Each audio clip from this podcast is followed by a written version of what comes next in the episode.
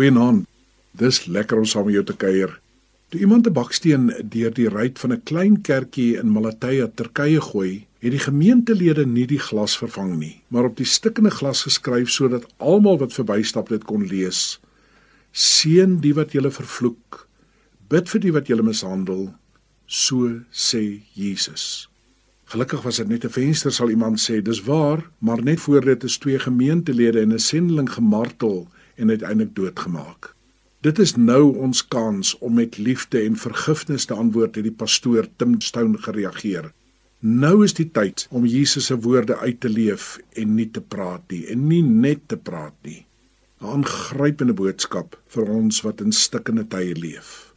Die Bybel bevestig dit ook wanneer Paulus vir die gemeente in Efese beduie hoe ons almal na die kruis en opstanding van Jesus moet leef, skryf in Efesiërs 5 vers 1: Omdat julle kinders van God is en hy julle liefhet, moet julle sy voorbeeld volg.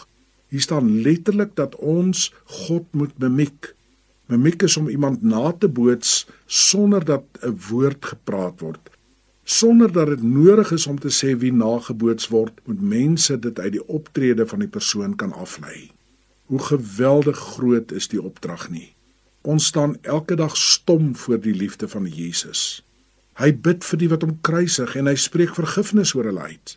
En nou sê Paulus gaan boots hom na en Jesus self sê in Matteus 5 vers 16: "Laat julle lig so voor die mense skyn dat hulle julle goeie werke kan sien en julle Vader wat in die hemel is verheerlik." Die redes hiervoor is so sterk. Ons moet hom mimiek omdat hy ons liefhet. Wie die hoogte, die diepte, die lengte en die breedte van sy liefde raak gesien het, kan nie anders as om soos hy te wil word nie. Verder is ons sy kinders, soos 'n kind onvermydelik na die ouers lyk in aard, soos hulle praat en loop. So kan ons wat uit God gebore is, nie anders as om sy geaardheid uit te leef nie. Kom ons sê maar vir mekaar, Daar is op die oomblik soveel stikkende vensters reg oor ons land. Kom ons gaan teken met ons lewens God se hart op hulle. Goeienaand.